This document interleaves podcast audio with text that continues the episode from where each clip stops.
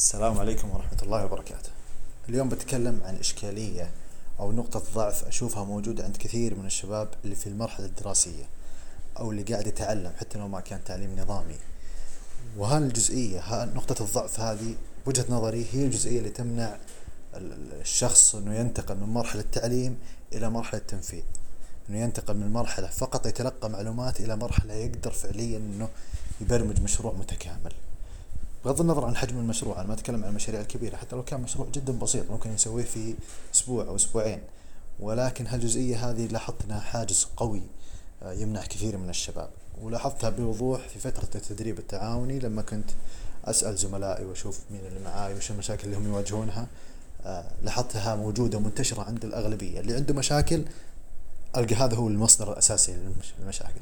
ما أتكلم عن أسئلة يعني النقطة الفلانية كيف أبرمجها ولا كذا لا أتكلم عن مشكلة تخلي الواحد يوقف في مكانه ما يقدر يكمل. مشكلة متجذرة اللي تطلع مشاكل كثير من وراها. آه في جزئيات أتوقع ممكن تتبادر على ذهن الواحد الآن مثل جزئية ال software engineering اللي هي requirement gathering وكيف انك إنك تدير المشروع وإنك تحول تجي الواحد عنده مشكلة بعدين تطلب منه المعلومات والمشاكل اللي عنده عشان تحولها. مو هذا يتكلم عنه. أنا بوجهة نظري أشوف ان الجزئيه هذه بديهية أي واحد يقدر يسويها. صح ممكن ما يسويها بالشكل المثالي أو بالشكل المطلوب أو بشكل جيد لكنه يقدر يمشي أموره. الجزئية اللي أتكلم عنها أول شيء إنها تكنيكال أكثر يعني تقنيا جزئية متعلقة بكتابه الكود وبالجانب التقني بالتنفيذ. ثاني شيء إني أشوف إن كثير من الشباب يفتقدها تماما تماما يفتقدها. يعني ما يعرف إنها موجودة أو يعني آه، شبه شبه المشكلة غير متبلورة في ذهنه يعني لو يبغى يتعلم عنها ما يعرف إنها موجودة عشان يتعلم عنها. آه، اللي هي جزئية ال environment جزئية البيئة اللي أنت بتبرمج عليها. كثير من الشباب يعرف يبرمج. لو تقول له برمج لي function الفلانية أو ال class الفلاني فيها function أو ألف باء جيم وفيها ال parameters هذول وأبغى ال output يطلع بالشكل هذا وهذا example لل input وهذا example لل output قدر انه يبرمجها ممكن ما يبرمجها بشكل كويس بس إنه بيبرمجها يحط له if while loop و variables ويمشي أموره. ومع ذلك لما تعطيه project تلقاه يخطي أخطاء جسيمة قوية. ليش؟ لأنه ينسى إنه هو قاعد يبرمج جزء من الحل. أنت قاعد تبرمج برنامج البرنامج هذا لازم يركب على system لازم تركب على system أنت لما تبرمج صفحة ويب مثلا راح تبرمج back end يشتغل على server موجود من قبلك. لما تبرمج front end راح يشتغل على ال browser اللي عند المستخدم. وبيتواصلون على system موجود من قبلك على بروتوكول اسمه TCP موجود من زمان على network كبيرة على مستوى العالم اسمها إنترنت موجودة من زمان. لها بروتوكولاتها لها تصميمها لها architecture معينة لها standards معروفة أعراف معروفة محكمة الجميع يمشي عليها. أنت ما تعرفها. آه لما تتكلم عن قواعد البيانات مصممة من قبلك أنت قاعد تستعملها. قليل ما في أحد الآن يصمم له قاعدة بيانات من رأسه من ال binary من scratch. آه، هذه الإشكاليات اللي أشوفها موجودة عند كثير من الشباب كثير جدا من الشباب. يعني لما يجي يبرمج لك صفحة ويب يعرف إنه في PHP يعرف إنه في HTML ما يدري ال PHP إنه يشتغل في ال server. أو على الأقل النقطه هذه ما هي مترسخة في ذهنه. يعرفها نظريا كذا لو سألته ال PHP وين يشتغل قال لك هذا server side. بس ما هو مستوعب إنه هذا في كمبيوتر يبعد آلاف الكيلومترات عن الكمبيوتر الآخر.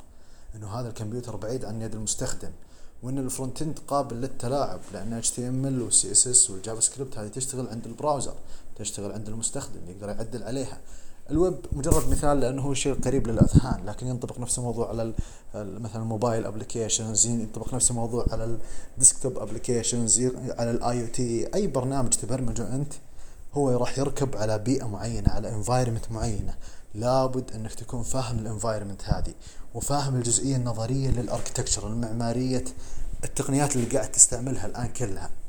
وش البرنامج؟ في أول مادة برمجة تدرس تعريف البرنامج. وش ال software هو آه، مجموعة من الأوامر تتلاعب بالبيانات. مجموعة من الأوامر مرتبة تتلاعب ببيانات معينة. الجزئية الأساسية تتلاعب ببيانات. لا أنت تكتب الأوامر وكثير من الشباب يعرف كيف يكتبها. لكن البيانات ما يعرف من وين تجي ومن وين تروح ومن وين تطلع. أي بيانات تدخل ال software حقك ما هي جاية من المستخدم سيده. لا جاية عن طريق شيء معين. إذا هو على الجوال جاية من شاشة الجوال مصمم من قبلك. عن طريق نظام التشغيل حق الجوال سواء كان iOS ولا Android مصمم من قبلك. بعدين البيانات هذه راح تشتغل. في ال application حقك وغالبا غالبا غالبا غالبا راح تنتقل إلى جهاز آخر عن طريق network ولا إما داخلية أو خارجية. ال data الآن هذه طلعت وراحت الانتقال هذا راح يكون عن طريق بروتوكول معين. لابد إنك تكون عارف قواعده عارف قوانينه عارف وش الأشياء المسموحة فيه وش الأشياء الممنوعة فيه. فلا بد إنك تكون فاهم ال architecture العامة لل application اللي أنت بتشتغل عليه. ما هو بس الجزئية اللي أنت بتكتبها وهي قد تكون هي الجزئية الأهم وهي الجزئية ال core وهي الجزئية اللي اللي جديدة. ولكن لابد تفهم أنت هذا ال application وين بيركب. أنت بتركبه داخل system كبير. أكبر غالبا حتى من المنظمة اللي أنت جزء منها. آه، فهذه الجزئية أنا لاحظت أنها نقطة ضعف عند كثير من الشباب وأقترح آه، إن الواحد يبحث عن أمثلة بعض التطبيقات بعض البرامج ويحاول يتفكر زين ممكن يرسم على ورقة وقلم البيانات من وين تجي وين تروح وإيش تسوي لما تطلع. flow chart بسيط. يكتبه. راح يلاحظ فارق كبير في فهمه لل application هذا.